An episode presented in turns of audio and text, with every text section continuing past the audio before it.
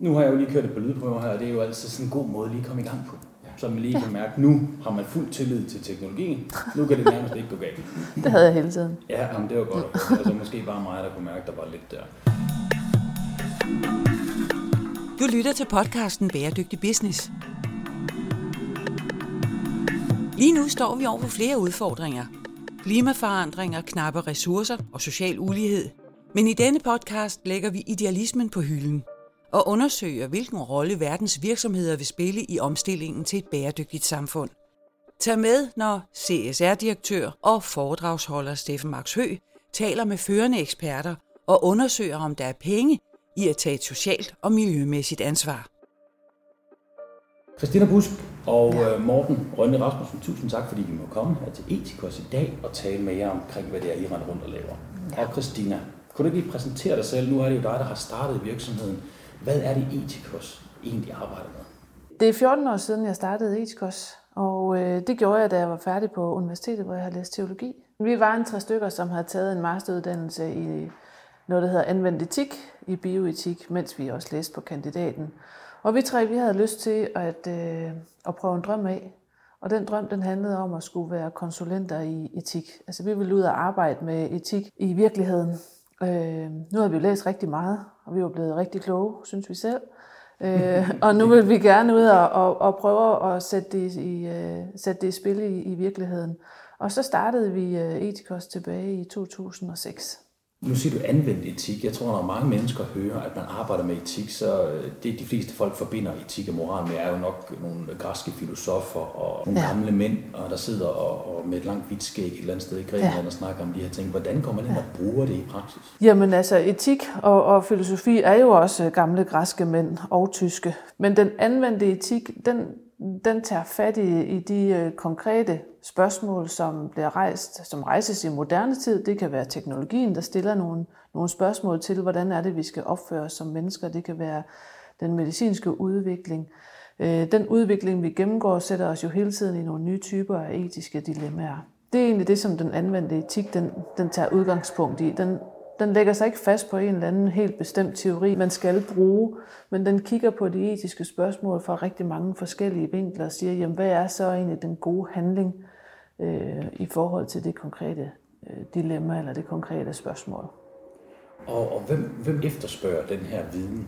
Jamen altså i høj grad er det jo, kan man sige, der er mange, der efterspørger den, men, men det felt, vi har lagt os i, er jo, er jo der, hvor, hvor folk agerer som professionelle. Øh, så det er sådan i professionsetikkens område, kan man sige. Altså hvor man er, er ansat til at udføre en opgave, og hvilket etisk ansvar er det så rent faktisk, der følger med den opgave. Og det er jo selvfølgelig meget efterspurgt også i den offentlige sektor, øh, i sygehussektoren, i ældresektoren, i, i handicapsektoren, altså alle de steder, hvor man har at gøre med særligt udsatte mennesker. Det kan være, fordi man er syg, eller fordi man er gammel, eller fordi man er handicappet, eller fordi man er barn. Altså der, hvor, hvor vi som samfund også mener, at vi har et særligt skærpet etisk ansvar. Og de professioner, der arbejder med dem, de efterspørger det i allerhøjeste grad, fordi de står med etiske dilemmaer og spørgsmål hver eneste dag.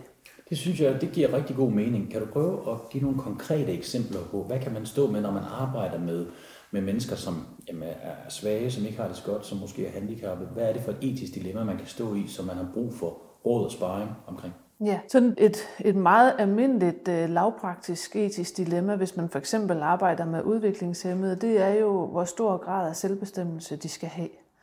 Det er lovgivningsmæssigt bestemt og menneskerettighedsmæssigt bestemt, at vi har selvbestemmelse.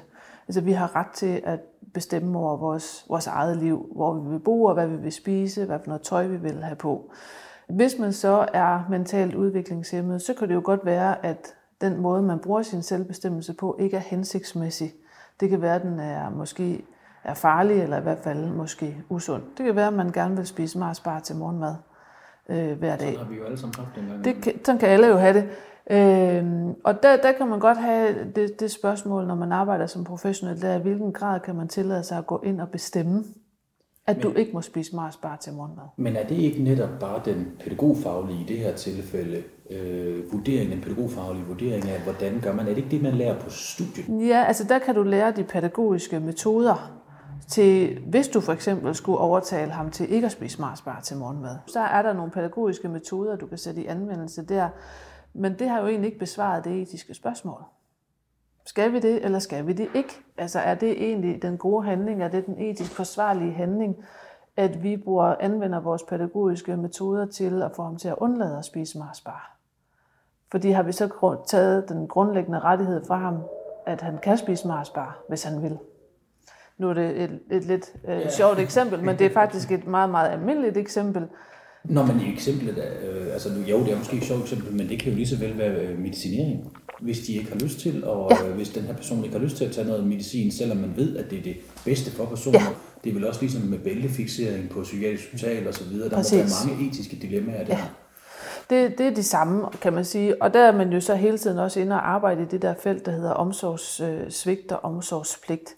Og man kan sige, der hvor, når det i det professionelle felt, så er, vi, så er vi inde og arbejde med etikken der, hvor at der nok er en lovgivning, men der er også rigtig, rigtig mange gråzoner i, i lovgivningen. Den kan ikke give os svar på alle ting, ligesom at de faglige metoder heller ikke kan give os svar på alting. Altså man er nødt til at ind og have fat i etikken og i nogle etiske grundprincipper, for at kunne finde ud af, hvad der er op og ned i, i de spørgsmål.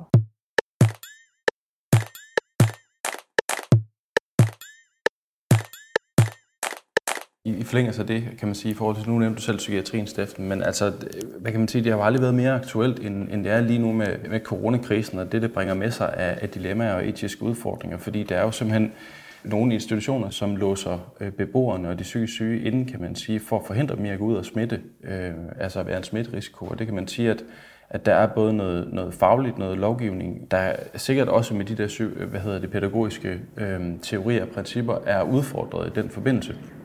Øh, så det er jo, hvad kan man sige, enormt situationsbestemt, øh, hvad der er det rigtige, øh, eller hvad for nogle etiske øh, kræfter, der kæmper mod hinanden. Så vi kan ikke bare læne os op af en faglighed i de her situationer, vil, vil vi nok sige. Jeg kan egentlig godt følge alt det, I siger. Jeg synes også, det lyder rigtig spændende. Men hvordan er det så, man tager den her etiske viden, eller den her viden, som I har, hvordan er det så, man går ind og gør det øh, brugbart, sådan som man i praksis kan bruge det. Fordi lige nu lyder det som mere sådan en, en teoretisk, semi-akademisk øvelse, hvor man mm. taler lidt om etik og hvilke situationer. Og ja, det kan godt være gavnligt, men hvordan bruger man det så, når pædagogen på gulvet skal forholde sig til, at man må låse en psykisk syg inde, fordi han er smittet med corona, som jo er et meget, meget konkret eksempel. Mm-hmm. Ja, altså man kan sige, det er, ikke, det er jo i virkeligheden ikke særlig meget en akademisk øvelse, det er i virkeligheden en meget en meget lavpraktisk øvelse, kan man sige. Men selvfølgelig så får man nogle redskaber til, hvordan man skal vurdere situationen. Og der kan man sige, der arbejder vi med nogle, nogle grundlæggende etiske principper, som den enkelte pædagog eller sygeplejerske eller læge kan bringe i anvendelse. Selvfølgelig er det noget, der foregår også inde i, inde i ens hoved, at man tænker sig om. Det er jo dybest set også det, etikken handler om, at man har et stilas, som man bruger inde i sit hoved til, når man skal tænke sig om i de her etiske spørgsmål. Og så også bruger det i dialog med hinanden. Men så det simpelthen er på en, en særlig form, kan man sige, hvor man tænker ind i, jamen okay, hvad er, hvad er det her menneskes ret til selvbestemmelse sat over for i hvor høj grad øh, det her menneske vil blive sårbar, hvis vi ikke griber ind i den her situation. Og hvis vi griber ind i den her situation, hvilken betydning vil det så have for det her menneskes integritet? Altså deres personlige grænser, deres personlige sfære. Og, og hvis vi skal gribe ind, hvordan gør vi det så på værdig vis? Så det er egentlig hele tiden den samme gåtur, vi, vi træner medarbejdere og ledere i at tage hver eneste gang, de skal træffe en beslutning. Det er spændende, og det der stilas, det kan jeg mærke, det skal vi tale noget mere om. Men er det så kun offentlige kunder, I har med at gøre her? Det er jo det, der hedder et retorisk spørgsmål, fordi der så, så peger vi lidt over dig, Morten, for du sidder ja. jo med de private virksomheder her i Etikos, sådan som jeg har forstået det. Kan du prøve at fortælle lidt om dels, hvad du lige har lavet, sådan ja. så lytterne er med på den del, ja. men også hvad det er, du arbejder med her i Etikos? Jamen altså, øh, jeg er øh, uddannet øh, kendt med i anvendt filosofi, Øh, så endnu en, øh, en, øh, en etiker, kan man sige. Men det, der er til forskel fra den offentlige eller politisk styrede marked til det private marked, som jeg ligesom har fået ansvaret for, det er, at virksomhederne, de private virksomheder, i langt højere grad er, er resultatorienteret på et kortsigtet bane. Ikke at der er noget galt med det, men der er noget, noget, noget målbart, noget, noget resultatorienteret, som vi er nødt til at formidle på, på en langt mere konkret, skarpere måde, end, end vi er, når vi taler til offentlige ledere, som selv kan finde ud af, hvad de skal bruge det til i virkeligheden. Er det økonomi, du tænker på her helt konkret? Øh, det er det i udgangspunktet i hvert fald. At virksomheder mere er, er, har et fokus på en bundlinje ja. på en lidt anden måde, end det offentlige har, og det er jo forståeligt nok. Fuldstændig. Øh, altså helt grundlæggende så har vi forsøgt at tage et, øh, et etisk afsæt, og så, øh, og så tænke, jamen, hvordan kan vi lave en business case, hvordan kan vi lave et marked for os selv med, med private virksomheder med etik, og det er jo sådan set en udfordring, vi synes er meget sjov. Og så er det jo helt oplagt, når der kommer et, et rigtig godt værktøj som FN 17 verdensmål, for eksempel at tale social ansvarlighed og etik i. Øh, det er en rigtig god referencerange, som rigtig mange ledere i det private kender, og det er nogle gode, øh, konkrete 17 områder, som, som vi kan tale social ansvarlighed ind i. Og det, det mærker vi også en stor efterspørgsel på. Rigtig mange er interesserede i at vide lidt mere om, hvordan kan man konkret arbejde med FN 17 verdensmål. Hvordan hænger etik og de 17 verdensmål sammen for jer, siger du? Jamen, altså, de 17 verdensmål er jo i 2015 lavet af FN som et forsøg på at gøre verden mere bæredygtig, og i den bevægelse eller den disciplin ligger der jo også nogle virksomheder, der skal løfte et fælles ansvar, ligesom alle vi andre skal have private forbrugere, som sådan det også.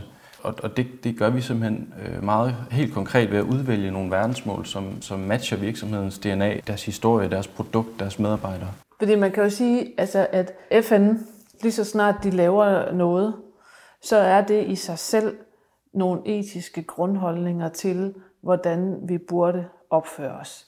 Så, så der er jo ligesom en fuldstændig klar og tydelig etisk grundessens i alt, hvad FN beskæftiger sig med. Så man kan sige, bag hver eneste verdensmål, der ligger der jo en, en etisk funderet grundholdning til, hvordan vi skal tage ansvar for lige præcis det felt, som verdensmålet nogle gange handler om. Ikke? Så, så der er jo allerede taget stilling for os. Mm. Fordi hvis vi skal bekæmpe sult, hvor, øh, hvorfor skal vi det? Kan man sige, øh, hvad kommer det mig ved? Jeg, jeg sulter ikke. Jeg kender heller ikke nogen, der sulter. Og det er jo det, der er FN's opgave, det er jo at gå ind og, og definere nogle etiske grundholdninger til, at det her, det er et ansvarsområde. Og det er også et fælles ansvarsområde. Så, så man kan sige, etikken er simpelthen øh, fuldstændig inkorporeret i FN's arbejde. Det, det er smækfyldt med holdninger. Er etik universel, eller er det også ligesom så mange andre ting, hvor det kommer an på uh, the eye of the beholder? Altså det er jo en etisk diskussion i sig selv. Så, så det, jeg, jeg tør næsten ikke at kaste mig, kaste mig ind i kampen, men man kan i hvert fald sige, at det, det arbejde, som FN laver, påberåber sig jo at være universelt så er der stadigvæk en del lande, som ikke har underskrevet verdenserklæringen om menneskerettighederne. Men det gør ikke, at FN ikke stadigvæk mener, at, at menneskerettighederne også gælder i de lande. De er så bare ikke nået dertil endnu, vil måske være FN's øh, holdning. Men FN er jo universelt, og derfor så, så betragter de også verdensmålene som universelle. Det er noget, alle burde gøre, og det er noget, alle kan bidrage til. Det er jo ligesom det, der er i den, den universelle tanke. Og så kan man sige, så der er måske to niveauer. Der er det universelle niveau. Det her det gælder for alle. Det er noget, alle skal bidrage til. Noget, alle skal være med til at tage ansvar for. Men hvordan det så kommer til at udmønte sig i praksis, det vil jo være situationsbestemt. Så der er ligesom to planer. Det universelle plan, og så, og så er det mere situationsbestemte plan. Og det er jo her, hvor hver enkelt virksomhed må ind og afgøre sig for, hvad er vores holdning til det her. Du lytter til podcasten Bæredygtig Business. Nu har I jo eksisteret i 14 år, og så kan jeg jo regne ud, at I har overlevet både en finanskrise og hvad der nu ellers har været igennem 14 år. Og det må jo alt andet lige betyde, at der er noget værdi i det i foretager her. Hvad kan private virksomheder få ud af at arbejde med deres etik? Det, som private virksomheder får ud af det, ligesom alle andre organisationer får ud af det, det kan man sige, det, det er sådan en, øh, en velfunderet og grundfæstet øh, holdningstilgang til både de beslutninger, de skal træffe, men også den måde, de driver deres virksomhed på. Øhm, jeg kan bruge nogle gange det der eksempel, at, at hvis, du, hvis du som virksomhed definerer dine værdier ud fra ydre faktorer, i den her coronatid, så kan vi jo tage en ydre faktor som employer branding. Hvis, hvis dine værdier øh, i virksomheden er bygget op omkring, at du gerne vil se lækker ud for, øh, for mulige arbejdstagere, man må sige, øh, jamen, i, i opgangstider, så er, det, så er det nogle fine nok værdier, fordi så er de med til at styre, at din employer branding ser lækker ud. Men hvad så i en coronakrise, hvor du så har afskedet halvdelen af medarbejderne, og omsætningen aldrig når derhen til, at du igen, eller først i hvert fald måske først om lang tid, så gør dig attraktiv for, for nye medarbejdere, men så bliver værdierne lige pludselig værdiløse. Fordi den ydre målsætning, eller målestok, du satte op som er employer branding, den er blevet ligegyldig. Den er blevet værdiløs. Og det kan man sige, det etikken egentlig kigger på, det er jo ikke, det er ikke ydre faktorer for, hvornår, hvordan du sætter dit værdigrundlag op. Det er egentlig indefra og ud. Sige, hvad er det, der er vigtigt for os som virksomhed? På hvilket grundlag vil vi drive vores virksomhed? Vi skal kunne stå ved den måde, vi driver vores virksomhed på i dag og i morgen, og i overmorgen og om 10 år. Og uanset hvilke kriser vi går igennem, så skal vores værdier kunne bære os igennem hele vejen. Øh, og så kan man sige, så kan vi håbe på, at der falder ting af i, af de ydre faktorer. Øh, så man kan sige, at etikken arbejder egentlig indefra og ud, i stedet for at man står og kigger på, hvordan vil andre se på os. Så det der klassiske spørgsmål, hvordan vil vi gerne opfattes, det er, ikke et, det er egentlig ikke et etisk spørgsmål, det er ikke et etisk redskab.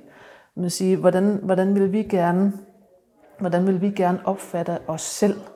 Og hvordan kan vi få bygget nogle værdier op, som er holdbare, uanset om vi er i krisetid eller om vi er i opgangstid. Men har vi ikke i virksomheder, mm, altså det er, jo, det er jo velfungerende, dygtige mennesker, det er jo folk, der betaler deres skat, de er gode forældre, de fleste af dem sandsynligvis. Men har vi ikke et naturligt etisk kompas, som vi alle sammen mere eller mindre er enige i? Behøver vi at gå ind og arbejde med det? Altså, lige i forhold til det der, det, det er jo, jeg tænker også, det er også en del af det med, at vi oplever, at flere og flere virksomheder faktisk efterspørger og er interesseret i, ligesom, hvordan kan man arbejde med bæredygtighed? Hvordan får vi en mere bæredygtig profil? Fordi, nu spurgte du før, Steffen, hvad, hvad, hvad er det egentlig, de, øh, de kan få ud af det? Og altså langt de fleste, tror jeg, har sådan en, en default øh, indstilling til det med verdensmål i forhold til, at vi kan styrke vores bæredygtige profil, altså simpelthen vores, øh, vores, øh, vores branding ved at arbejde synligt med FN 17 verdensmål. Og det er også rigtigt nok. Jeg tror bare, øh, der hvor vi øh, virkelig har fundet ud af, at der også er en meget stor interesse i øh, at arbejde med det internt, jamen det er jo at finde ud af at sige, jamen hvis man i den proces med at udvælge nogle verdensmål, der matcher os som virksomhed, jamen hvis man medtager sine, sin mellemledere, sine, sine, sine medarbejdere i det, sørger for, at de får ejerskab over for arbejdet med bæredygtighed, sørger for, at de er motiveret hele vejen igennem processen, jamen så har der også en masse interne værdier at, at hente. Men hvis jeg lige må svare på det spørgsmål, du stillede, så er det nej. Altså, øh, jo, øh, langt de fleste, eller det har vi alle sammen, vi har jo en default for at stå op om morgenen og tænke, at man, man gerne vil, vil gøre det godt, eller det mindste bare forsøge på at være et godt menneske. Altså det er jo meget sjældent, at en leder for eksempel står op om morgenen og tænker, i dag der skal jeg være så dumt et svin, som jeg overhovedet kan, både over for mine medarbejdere, over for mine leverandører, over for mine kunder. Så, selvfølgelig ikke. Alle, alle har jo et værdisæt med sig. Alle har nogle holdninger. Jeg tror aldrig, jeg har mødt et, et, et holdningsløst øh, menneske. Det ville være virkelig, virkelig mystisk. Ikke? Øh, så alle har jo holdninger, og alle har værdier som default. Og de er også vant til at sætte dem i spil. Og det er jo det, der er den kæmpe store fordel ved at komme ud og arbejde med etik. Alle kan det. Fordi alle kan have en holdning. Det er ikke nødvendigvis bevidst, og så viser det sig jo også, at vi har jo ikke den samme holdning, fordi etik er ikke én ting. Der er ikke et svar på, hvad der er etisk forsvarligt. Nogle gange så kan det være lige så mange svar på det næsten, som der sidder mennesker rundt om et bord.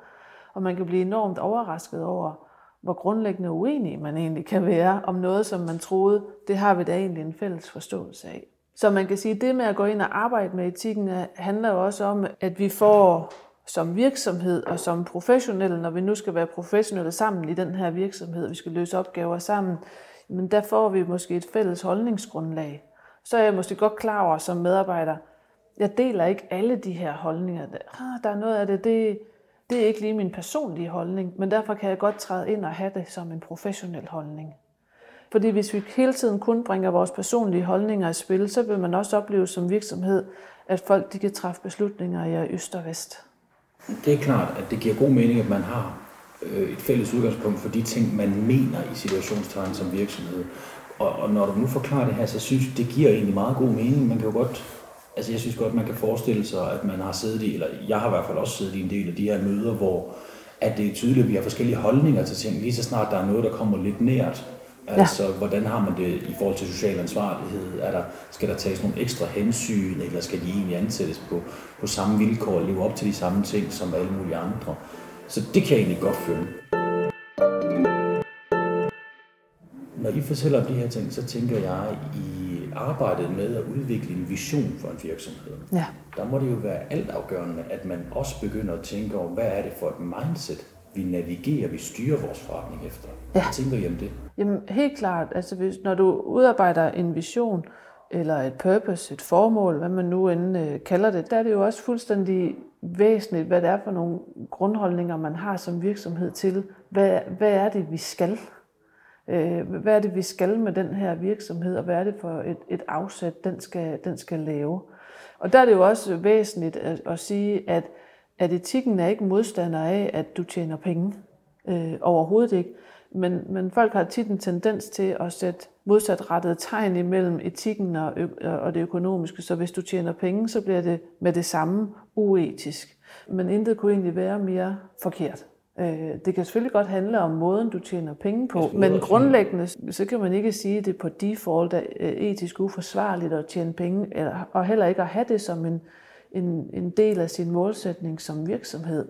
Fordi penge gør jo en hel masse godt, vil, vil etikken også sige, og vil flere etiske retninger også sige. Der er der færre mennesker, der, der, der sulter, og der, der kan være øh, større velfærd og, og masser af gode ting i det. Så, så der er jo ikke nødvendigvis et, et modsat rettet forhold imellem etik og økonomi.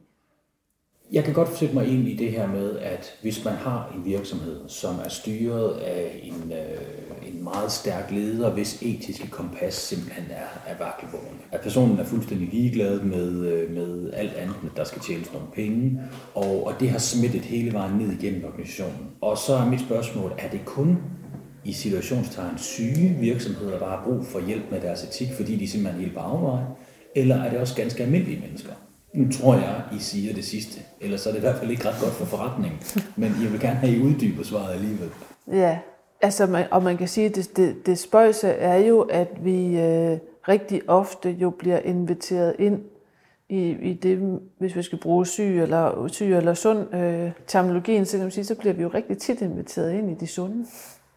Øh, fordi det er som regel og oftest er dem, som også virkelig ønsker at, at styrke det, som de allerede har opdaget. Hov, det er faktisk en kompetence, det er faktisk øh, en værdi, at vi står stærkt på det her område. Vi kan faktisk se, at det, det gør os mere øh, langtidsholdbare, og det bærer os igennem både øh, krisesituationer og, og lykkerus-situationerne, og begge dele kan jo være virkelig, virkelig farligt for en virksomhed, hvis man ikke kender den grund, man står på.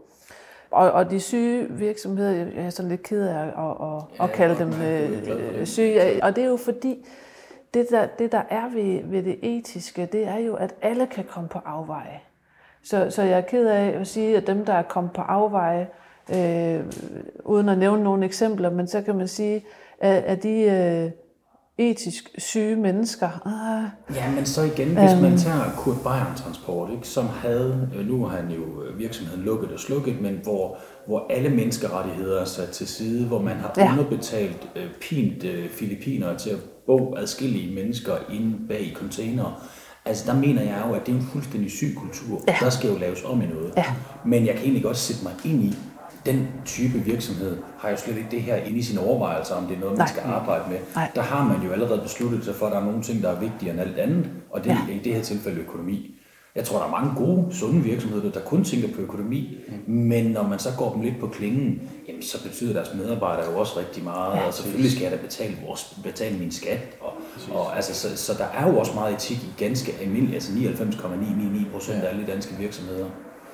Og det, der så kan ske, altså også selv i de sunde virksomheder, og i virksomheder, som vi også opfatter som sunde, det er, at der kan i alle virksomheder, vil jeg påstå, der kan ske en forskydning i kulturen, som lige pludselig gør, at man kan stå med en hvidvaskningssag, eller en bedragerisag, eller hvad det kan være, som, som, som virkelig giver øh, en, en backfire. Ikke? Det er jo virkelig et interessant eksempel, fordi der har vi jo set i hele den finansielle sektor, i, i stort set alle, øh, i hvert fald rigtig mange banker, at de har haft problemer med, at der simpelthen er blevet hvidvasket nogle penge. Og man kunne godt sådan få indtryk af, at i de her virksomheder, der jo vel og mærket er befolket af jamen, stort set kun gode mennesker, mm. men at der er udviklet en eller anden kultur, hvor man har sagt, jamen det her er ok. Hvordan vil man gå ind og arbejde med sådan en type virksomhed, hvis man skulle gå ind og arbejde med deres etik? For det er jo spændende også at blive lidt konkret i mm. forhold til, hvad det er, I egentlig kan hjælpe virksomheder med. Altså man kan jo sige, at prøve at arbejde med, med sådan nogle konkrete kvalitetstjek af de beslutninger, vi træffer. Altså etisk kvalitet. Altså har de egentlig en etisk kvalitet? Øh, og man kan sige, at man, man laver jo kvalitetstjek for, for alt muligt. Det er jo noget, virksomhederne i virkeligheden er meget vant til at arbejde med sådan nogle systemer, der går ind og, kvalitetstjekker. Og kan man gøre det på samme det, de måde? Ja, det kan man 100% øh, gøre på, på samme måde.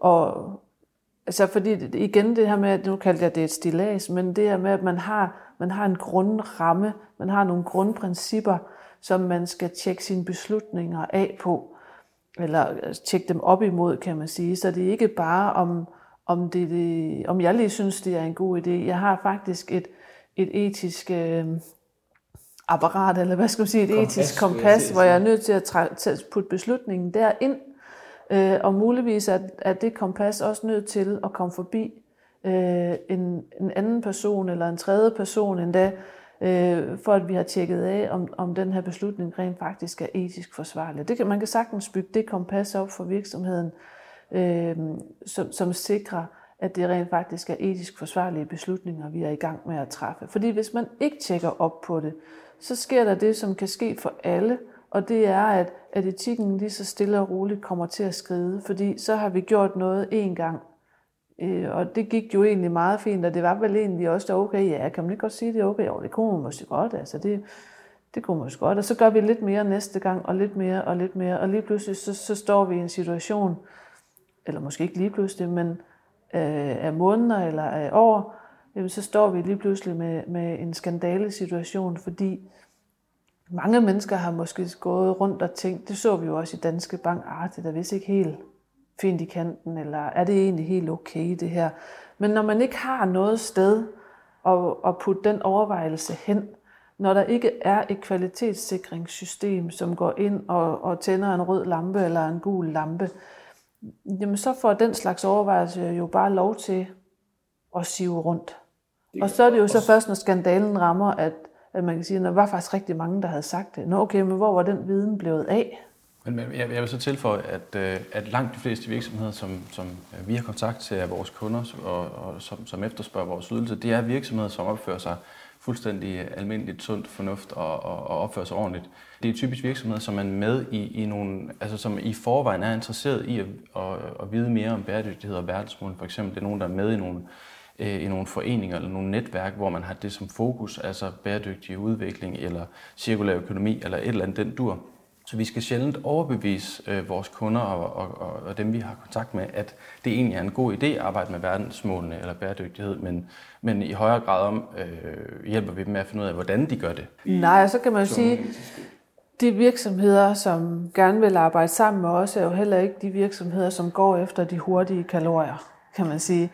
Det er ikke dem, som går efter den hurtige brandingsværdi, fordi for det første, så øh, vi er ikke noget kommunikationsbyrå, og vi kan ikke lige sætte nogle hurtige brandingstrategier op, hvor man lige tilfældigvis bruger et par verdensmål til at komme til at se endnu bedre ud, eller få et endnu bedre slogan. Det er slet ikke det, vi beskæftiger os med. Det er tydeligt. Så, så man kan sige, altså vi er mere den fiberrige kost, ikke? Jo, og det er jo selvfølgelig ikke, hvis man bare har nogle, altså hvis man har lyst til bare lige grave lidt i overfladen. Det her, det er jo øh, et større eksistentielt arbejde med sådan en virksomhed. Ja, det kan man godt sige.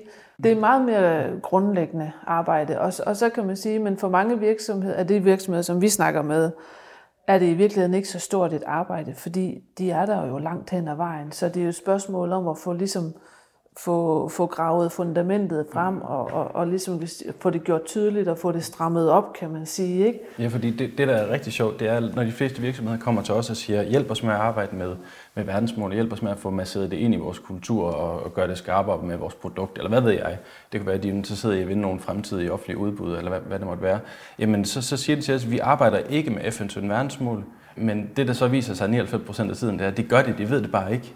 Altså de er bare ikke bevidst om, at de arbejder med verdensmål. Det vil sige, at i forhold til verdensmål 3 omkring menneskers sundhed og trivsel, de har allerede sundhedsforsikring, de har allerede et motionsrum og en sund kantine. Øh, alle de der forbindelser til øh, de der forskellige verdensmål og delmål, det er ikke noget, de selv har kunnet lave, eller har tænkt, at de selv kunne i hvert fald. Øh, så den, det, det match eller den forbindelse hjælper vi med at lave, så, så jeg vil sige, langt de fleste, der, der henvender sig til os, de arbejder allerede ubevidst med FN 17 verdensmål. Vi hjælper dem bare med at blive klar over det. Ja, så kan man sige, så hjælper vi dem med at grave den holdning frem til, hvorfor har I egentlig en sygeforsikring? Hvorfor har I, egentlig, hvorfor har I valgt øh, de her ting for jeres medarbejdere? Det er, den, det er den grundholdning, som vi graver frem. Fordi så kan man bruge den grundholdning til at sige, Nå, så var det da måske egentlig også oplagt, at vi gjorde det der, eller så kunne vi jo også lige så godt gøre det her, eller så må vi hellere holde op med at gøre det der. Fordi når, når først man har grundholdningen på plads, så det, bliver det meget nemmere enten at, at, at træffe nogle nye beslutninger, eller, eller sløjfe nogle beslutninger, som måske egentlig ikke stemmer overens med, med grundholdningen. Men det er egentlig, når vi kigger på, hvad, hvad det er for nogle aktiviteter, en virksomhed har gang i, så kan vi ret hurtigt også udlede, hvad, hvad er det for en grundholdning, der ligger bagved, at I har valgt at gøre, som I gør. Du lytter til podcasten Bæredygtig Business. Hvordan går man så sådan konkret ind og arbejder med det her? Kan I prøve at komme nogle eksempler på, hvordan man vil arbejde med en virksomhed eller en offentlig aktør, hvis det er, at de gerne vil ind og arbejde med deres etiske kompas, som du nævnte før. De vil gerne ind og arbejde med bæredygtighed, men de vil gerne tænke over, hvad er det i grund for et fundament, vi arbejder ud fra? Jamen altså, jeg, jeg kan komme med et eksempel øh, i forhold til øh, nogle af de private virksomheder, vi, vi, vi samarbejder med. Altså det vi starter med at gøre, det er, at vi starter sådan set bare med at finde ud af, sammen med ledelsen selvfølgelig, men der skal være en strategisk, øh, en eller anden form for ledelsesmæssig vilje til at starte sådan et projekt jo. Det må alt afgørende, at topledelsen ligesom er med. Klart, og de, de, de skal jo give grønt lys, men vores, vores tilgang er, som vi har snakket om også, Steffen, det er selvfølgelig, at vi, vi er sådan en bottom-up i kulturen. Altså det skal funderes, det skal arbejdes ind, øh, forankres i kulturen. Og dermed så starter vi sådan set også med at tage en workshop med udvalgte medarbejdere. Det kan både være fra topledelsen, fra medarbejdere rundt i, i afdelinger, rundt i, i niveauer. Det kan også være, være mellemlederne, som er med til at finde ud af, altså dem, der sidder med hænderne i materien, i de, de, de daglige dags rutiner i forhold til, når vi gør det her, jamen, så skal jeg have fat i den der, og så Øhm, jamen, ideen er bare, at det, det, er dem, det er dem, der er med til at matche, hvad for nogle verdensmål udvalg af ledelsen passer vi egentlig på. Helt reelt set. Altså, hvad, hvad, hvad er der en, en, en ærlig, ægte, naturlig forbindelse til, øh, og hvordan kan jeg som medarbejder bidrage til den proces. Øh, og så er der jo i hele den, den, den workshop, er der jo en enorm fed idéudvikling, fordi medarbejderne får lov til at skyde, jamen, kunne vi gøre det her? Så er der jo sådan en dynamisk ting i gang med at få, hvad kan man sige, matchet de eksisterende indsatser med nogle verdensmål, men også at finde på nogle nye. Øh, og det er virkelig spændende proces. Og så kan man jo sige, når man er konsulenter og konsulenthus, alle konsulenthus, de er håndværkere. Jeg sammenligner det altid med en, øh, en håndværksmester, et, et tømmerfirma eller, eller et murerfirma, fordi det, det er sådan set det, vi, vi er. Altså, vi, øh, vi kan vores håndværk. Og vi, vi bruger så etikken som, som vores murerske, og vi bruger nogle øh, antropologiske metoder også som en del af vores, øh, vores redskaber. Men det vi er jo er rigtig, rigtig gode til, det er jo også at gå ind og lave de her kulturafdækninger. Og det, det bliver folk altid lidt skræmt, men vi kan lynhurtigt gennemskue den holdningskultur, der er i en virksomhed. Vi behøver ikke at være der ret længe, vi behøver ikke at snakke med ret mange medarbejdere, vi behøver ikke at lave en workshop, som varer meget mere end 3-4 timer. Så har vi faktisk fået det materiale med os hjem, der gør, at vi kan begynde at, at være helt skarpe på at definere virksomhedens grundholdninger. Og det er jo i virkeligheden et håndværk, kan man sige. Altså det er ligesom, at der er nogen, der er rigtig gode til at bygge et hus, og jeg vil være helt forfærdelig til det, selvom at jeg havde de samme øh, mm. værktøjer til rådighed. Ikke? Men, og, og det er jo lidt det, et, et konsulentfag også er. Altså det er dybest set egentlig bare at være, være dygtige håndværkere. Ja, fordi, hvad kan man sige, Øh, når vi laver en proces øh, eller en workshop med, med, med, med en virksomhed, jamen, så er pointen vel også i, i det, du siger også, Christina, det er, at, at, at guldkornene ligger allerede i kulturen. Altså det er allerede medarbejderne, der har de rigtige løsninger. Guldkornene, det er ikke os, der kommer og, og smiger, hvad, hvad med I kunne gøre det og det og det. Selvfølgelig har vi en bank af alle mulige initiativer samlet fra en masse forskellige kunder, som vi kan smide ind, afhængig af hvad for en branche de er i, hvad for et produkt de har osv. Men, men dybest set så er opgaven egentlig at facilitere en, en refleksionsproces, for de rigtige medarbejdere, også dem, som skal blive ved med at fremadrettet og, og drive processen. Altså det er dem, der skal komme med de, de rigtige forslag. Det er dem, der ved. Det er dem, der er eksperterne. Og den her refleksionsproces, for det, det lyder jo faktisk rigtig sundt for en virksomhed, at man får tænkt og talt tingene igennem i forhold til, hvor er det egentlig, vi står, hvor er det, vi gerne vil hen. Lyder meget fundamentalt og lyder essentielt i forhold til at kunne lede en virksomhed ind i, øh, i fremtiden. Hvad udmyndter det så i så helt konkret? Er det så her, at verdensmålene kommer ind? Ja, altså så udmynder det sig i, at på den anden side af sådan en workshop, hvor man har matchet øh, lad os sige, at ledelsen har udvalgt fire verdensmål, det vil typisk være vores anbefaling mellem 1 og 5 for eksempel, jamen øh, så vil det jo være, at man, man har nogle verdensmål, som, som medarbejderne har været med til at vælge, som man har en medarbejderstab, nogle mellemledere og en ledelse, som har ejerskab for at drive øh, og er motiveret omkring. Hvad kan man sige? Så, så er det step one. Altså, det næste skridt vil så være implementeringsfase. Og det vil sandsynligvis være sådan noget med, at vi vil, vi vil nok råde virksomheden til at udvælge det, der hedder en Must Win Battle-gruppe, eller en styregruppe for at skubbe øh, klassisk forandringsledelse, altså skubbe det fremad og bære det frem, øh, og have nogle ledende medarbejdere, som ligesom er med til at nedsætte for eksempel i personlige eller afdelingsrettede KPI'er, som retter sig mod SDG'erne. Øh, man har jo allerede eksisterende KPI'er, langt de fleste private virksomheder, men altså det at udvælge nogle KPI'er, som kan pares eller som kan sammenlignes med eksisterende KPI'er. Og det kunne være sådan noget helt banalt med at sige, har du puttet x antal plastikflasker i, i den rigtige, altså har du sorteret rigt, øh, rigtigt, har du bidraget med at minde dine kolleger om et eller andet i forhold til det bæredygtige rigtige øh, politik i virksomheden. Og det er jo virkelig også spændende det her, når det så er, at det begynder at udmynde sig i noget konkret. Fordi det der med, at man, øh, og det er jo fint, at vi kan blive enige om en masse ting, men det skal udmynde sig i noget konkret, det skal jo forankres i organisationen. Kan I prøve at sige noget mere om hele den her forandringsledelsesproces, som i bund og grund alt arbejde, I laver, egentlig er udtryk mm. for? Fordi det er jo så fundamentalt, at hvis man begynder at skrue på knapperne på det niveau, så skulle det jo gerne smitte igennem hele organisationen. Ja. Bevidst og ubevidst faktisk. Ja. Når, når vi skal forankre de her forandringer, så kan man sige, og det er jo igen tilbage til det fundamentale, at det, det er så vigtigt, at folk er klar over, også helt almindelige medarbejdere alle steder i organisationen, er klar over, hvad er det egentlig for en holdning, der ligger bag. Jeg plejer nogle gange at bruge det her eksempel fra kantinen. Hvis vi gerne vil have vores medarbejdere til at spise mindre, det kan være et sundhedsmæssigt øh, perspektiv, vi vil gerne være med til at bidrage, at folkesundheden bliver opretholdt, så folk ikke spiser for meget. Det kan vi jo godt have en holdning til som virksomhed, og så får vi den øh, brillante idé, vi gør bare tallerkenerne mindre, fordi så spiser folk mindre. Og det der er min pointe i det, det er, det er super fint, det virker, så længe tallerkenerne er små, og så længe folk ikke bare tager to gange eller tre gange. Og det er jo en del af, af hele den der notching øh, måde at arbejde på. Altså grundlæggende, så er det ikke langtidsholdbart. Fordi lige så snart du sætter en stor tallerken ind igen, så vil folk spise dobbelt så meget, som det de spiste før. Fordi grundlæggende har de ikke selv taget stilling. Og de har ikke selv valgt, at det er faktisk en god idé at begynde at spise noget mindre og holde os mere sunde.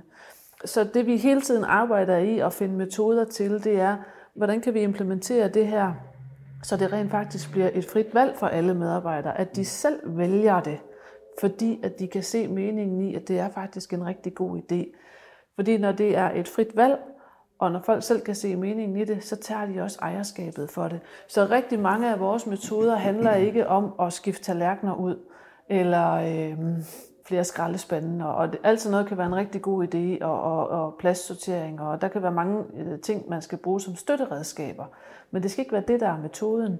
Men det er hele tiden at arbejde med metoder til, hvordan er det, Hvordan er det, vi får folk til at træffe de her valg? Hvordan er det, vi får aktiveret deres frie vilje, så det giver mening for dem? Præcis. Og så forsøger vi jo så også at finde ud af, hvad er egentlig ambitionsniveauet i de forskellige øh, virksomheder, de forskellige kunder, vi har, for det kan være vidt forskelligt. Øhm, det, jeg synes, jeg oplever nogle gange, det er, at, man har, at mange virksomheder har en, et idé om, at, at enten så committer man sig til det der med at være bæredygtig, eller så gør man ikke. Altså, der er kun, det er binære tal her, der er kun et og nul øh, og der er intet imellem. Og, og øh, det vil, jeg tror, vi, vi, vi arbejder egentlig ret hårdt på at sige, jo, der, der, der er jo et, et spænd, der er et spektre her. Øh, og lette indsatser er også en positiv, et positivt bidrag til den her dagsorden. Ikke? Så, så det, det, vi er nødt til at matche, hvad er det egentlig, der er jeres ambition, øh, både på den korte og den lange bane. Altså, er vi stort set samme sted, men har vi, har vi, gjort, har vi rykket på nogle, nogle, nogle små ting, så vil vi sige, det er jer, der bestemmer det. Øh, vi hjælper jer med at imødekomme de ambitioner, øh, I har. For eksempel det der med at skifte LED-belysning. Det er forholdsvis simpelt. Det er noget, de fleste allerede har gjort. Men det der med at investere i en helt ny teknologi og, og blive CO2-neutral og øh, så videre, det, det, det er jo et helt andet step. Man kan sige, at vi arbejder meget i dilemmaer, fordi det gør etikken. Altså fordi lige så snart du har taget et valg, så dukker der tre, tre andre dilemmaer op. Ikke? Mm. Og det er, også, det er også måden, vi implementerer på. Det er egentlig også igennem dilemmaer, også fordi det er jo også det er beslutningskompetencen i virkeligheden, man skal træne hos, øh, hos rigtig mange medarbejdere. Hvordan, hvordan agerer vi i de dilemmaer, vi bliver præsenteret for i vores hverdag? Vi arbejder også ind i nogle, med nogle digitale øh, redskaber. Det har vi også brugt i, i, det, i det offentlige, hvor man simpelthen digitalt kan træne medarbejdere i at forholde sig til dilemmaer. Øh, og både så får man jo nogle resultater ud af det, kan sige, om hvilken beslutning vil langt de fleste medarbejdere egentlig træffe i det her dilemma. Overrasker det os, eller gør det os så øh, trygge og glade, fordi det er faktisk også i den retning, vi gerne vil som virksomhed. Og samtidig med, at man, man arbejder med, med dilemmaerne digitalt, jamen så, så, så er refleksionen jo i gang. Så, så bliver man bevidst om, når det er faktisk et dilemma, jeg har aldrig tænkt på det som et dilemma. Jeg vil jo påstå, at etikken er nærmest endnu mere relevant lige nu, end den har været tidligere. Kvæg at vi står i the aftermath af det her med, at vi egentlig har forbrugt for meget, udledt for meget CO2, så vi står i nogle klimamæssige problemer. Vi står måske endda også i nogle sociale problemer, som virksomhederne skal til at forholde sig til. Og jeg mener, når, når store erhvervsledere som, øh, som Snape Mærsk siger, at vi skal have en, en ny form for kapitalisme, og man snakker om stakeholder-kapitalisme, mm. altså det her med, at vi bliver nødt til at genopfinde kapitalismen, hvor den tager højde for mennesker og miljø meget mere så vil det nok være min påstand, nu er I jo eksperter, men at så har man vel virkelig brug for etikken til at gå ind og arbejde med det mindset på de virksomhedsledere, mm. som er ude i virksomhederne, som jo er flasket op med at tænke i, at the business of business is business. Ja. Og selvfølgelig ved man godt, at gode medarbejdere er glade medarbejdere, de mm. producerer, performer bedre. Men når alt kommer til alt, så er det jo et skift, når man lige pludselig skal tænke miljø mm. og mennesker i langt højere grad ind i ligningen før at du kan tænke din økonomiske bundlinje ind. Mm. Hvad tænker I om det? Er etikken blevet mere aktuel? Ja, det tænker jeg helt sikkert, den er. Altså, øh, den er egentlig, den er jo alle steds nærværende, og til alle tider også, ikke på, men, men på hver sin øh, fasong. Men man kan sige, at i lang tid og i mange år har det jo ikke været en del af, øh, af træningspakken, kan man sige, når vi træner nye topledere. Så, så er der jo ikke et, et, et modul, der handler om øh, etik, eller hvad skal man sige, der er ikke ligesom et, et træningsmodul, man skal igennem, hvor man bliver meget, meget veltrænet i at, at træffe etisk afbalancerede beslutninger. Og man kan sige, og det er der rigtig mange, der, der mangler, fordi det er egentlig bare lagt op til dem selv, men det må du så selv lægge råd med og blive, blive trænet til. Ikke? Og hvordan ved jeg så som topleder også, at det er jeg faktisk dygtig nok til, også ind i en professionel kontekst. Men det har vi bare en implicit forventning om, at det kan du da. Og når du ikke kan det, så shamer vi dig big time og sætter dig på forsiden af ekstrabladet, for det, det skulle du skulle da nok lige have tænkt over så, ikke? Men det er faktisk en meget vanskelig situation at træffe altid, og i 20 år gangen, at træffe etisk afbalancerede beslutninger. Så, så der mangler helt sikkert, for rigtig mange topledere mangler den, den grundlæggende træning i, øh, i at, at træffe etisk afbalancerede beslutninger. Og, og for mange af dem, så tror jeg lidt, at det nogle gange kan føles, det her nye mindset, du taler om, der kan det føles som om, at man har været en rigtig dygtig langdistanceløber. Og tak for det. Vi er glade for, at du har været rigtig dygtig til at løbe rigtig langt. Ved du hvad, det du skal nu, det er, at nu skal du ro. Okay. Du er stadigvæk i god form, du er stadigvæk dygtig til at løbe, men du har aldrig prøvet at ro før. Du ved ikke engang, hvordan du skal komme ned i den der øh, to kajak, vel? Altså, den vælter jo hele tiden. Så det er lidt det samme, ikke? Altså, du kan virkelig være en dygtig, dygtig, dygtig sportsmand, men hvis nogen beder dig om at skifte sportsgren, altså, så, så vil du ikke ane, hvad du skulle stille op. Og her er det jo sjovt at nævne de her, der har jo været mange sager med virksomhedsledere, som har røget på forsiden af Ekstrabladet, fordi det er, at, at de egentlig bare har gjort, som de altid har gjort. Ja. Og lige pludselig så kan man sige, at, at folkestemningen har vendt sig lidt. Ja. Der bliver stillet nogle andre krav til virksomheder, at de må ikke smide ting ud. Sportsmaster røg jo på forsiden ja, af Ekstrabladet, fordi de smed 58 par sko ud, hvilket ja. jo er en bagatell, men det er et udtryk for noget, der er sket noget i befolkningen, ja. der i hvert fald gør, at vi er mere opmærksomme og det koster jo med kroner, når aktien den falder ned, fordi de får dårlig omtale. Jeg har hørt, at etik blandt ledere er blevet sådan det nye. Det er, hvis man skal have lederudvikling, så er der mange, der kigger ind i etikken. Mm. Altså det her med, i stedet for hele tiden at finde ud af, hvor er der ny viden, jamen så er det egentlig at gå tilbage og prøve at tage fat i noget af den gamle viden. Umiddelbart så tænker jeg, nu er det jo voldsomt populært det her med, at virksomheder skal i gang med at finde deres why, som du nævnte før, vi snakker purpose. Det lyder som om, etikken er det her fundament, man skal bygge hele den her proces på med at mm. finde virksomhedens why. det er måske et godt sted at starte at kigge etikken igennem mm. virksomheden, inden man går i gang med det. Jamen helt sikkert det etiske fundament. Hvad, hvad er det egentlig, vi bygger på? Hvad er det egentlig for nogle grundholdninger, vi bygger på? Hvad, altså have en undersøgelse af det, ligesom man har undersøgelser af, af det marked, man gerne vil ind på, eller de markeder, man gerne vil ind på, eller det marked, man allerede har. Så egentlig være, være lige så hvad skal man sige, øh, objektivt og nøgternt undersøgende på, hvad er det egentlig for nogle etiske grundholdninger, der styrer den her virksomhed? Hvad er det for nogle etiske grundholdninger, der skal styre vores why? Øh, så, så jeg prøver hele tiden på at tale meget for, at man, man forholder sig til etikken som, som noget praktisk og som noget lavpraktisk. Fordi det er det egentlig. Det, det er lige så lavpraktisk som at lave en markedsanalyse. Altså lige så lavpraktisk er det at lave en etisk analyse. Det er et stærkt øh. budskab, altså, fordi det tror jeg virkelig ikke, der er ret mange, der tænker. Nej, fordi jeg skulle så sige, altså de fleste tænker jo, hvordan får vi, øh, hvordan får vi et godt arbejdsmiljø? Jamen lad os blive certificeret i ISO 14000 et eller andet, ikke? For eksempel. Det, det er jo en standardiseret certificering, og på samme måde kunne man i princippet jo øh, hvis markedet var til efterspørgselen, var, var det øh, lave nogle forholdsvis standardiserede certificeringer i etisk ledelse, altså en eller anden form for etisk temperatur jo selvfølgelig, rent ren ledelsesmæssigt, øh, på samme måde som, som en ISO-certificering. Man skal stadigvæk have hjælp til at komme i mål øh, med sin certificering, men øh, og det, og det tager jo kræfter og en træner, når man er ude at løbe. Altså, det er så vigtigt, at man opfatter det eller, eller betragter det som, som noget lavpraktisk. Fordi det er mega nemt at betragte etikken som noget, der er nemmest at tale om, når man drukker en flaske rødvin. Ikke? Mm. Så bliver man virkelig klog på mange øh, etiske spørgsmål. Men det er jo i virkeligheden bare praktik, ligesom markedsanalyser, ligesom alle mulige andre analyser, økonomiske analyser, man laver. Så, så, så kan man også sagtens på samme måde analysere, hvordan ser det etiske fundament egentlig ud. Og man kan også øh, undersøge på hos sine medarbejdere, hos sine ledere, hvordan ser deres etiske kompas egentlig ud. Og jeg vil også sige, når vi træner ledere og topledere i, i forhold til det etiske, så er det også helt lavpraktisk. Altså vi beder dem ikke om at læse Aristoteles og, og Platon og, og Kant. Det kunne vi aldrig nogensinde drømme om. De må gerne, helt sikkert, hvis, hvis de synes, de har tid til det. De må også gerne læse det på originalsprog, som nogle af os andre har gjort. Ikke? Men jeg vil måske ikke anbefale, at det er det, man bruger sin tid på men at træne det i praksis i stedet for, og så have en, en træner ved siden af sig. Det er egentlig rigtig tit den funktion, vi har med ledere og topledere, det er, at vi er deres, øh, vi er deres træner, vi er deres coach, kan man sige. Men, men på en meget mere øh, næsten sportsagtig måde, ikke? fordi nogle gange så er vi også sammen med dem, når de træffer nogle beslutninger, når de indgår i nogle sammenhænge og så spejler vi det, de gør. Så etik er faktisk ikke så højt flyvende, som man umiddelbart godt kunne tro. Det er også noget konkret, noget man godt kan arbejde med, og det kommer ikke til at tage syv lange og syv brede, når man skal igennem det. Overhovedet ikke, fordi du gør det jo hver dag. Du træffer beslutninger hver dag, som er funderet i dine holdninger og i dine værdier og i din virksomhedsholdninger og værdier. Du gør det hver eneste dag, du har masser af erfaring. Det er også altid vores anbefaling. Altså husk lige på det.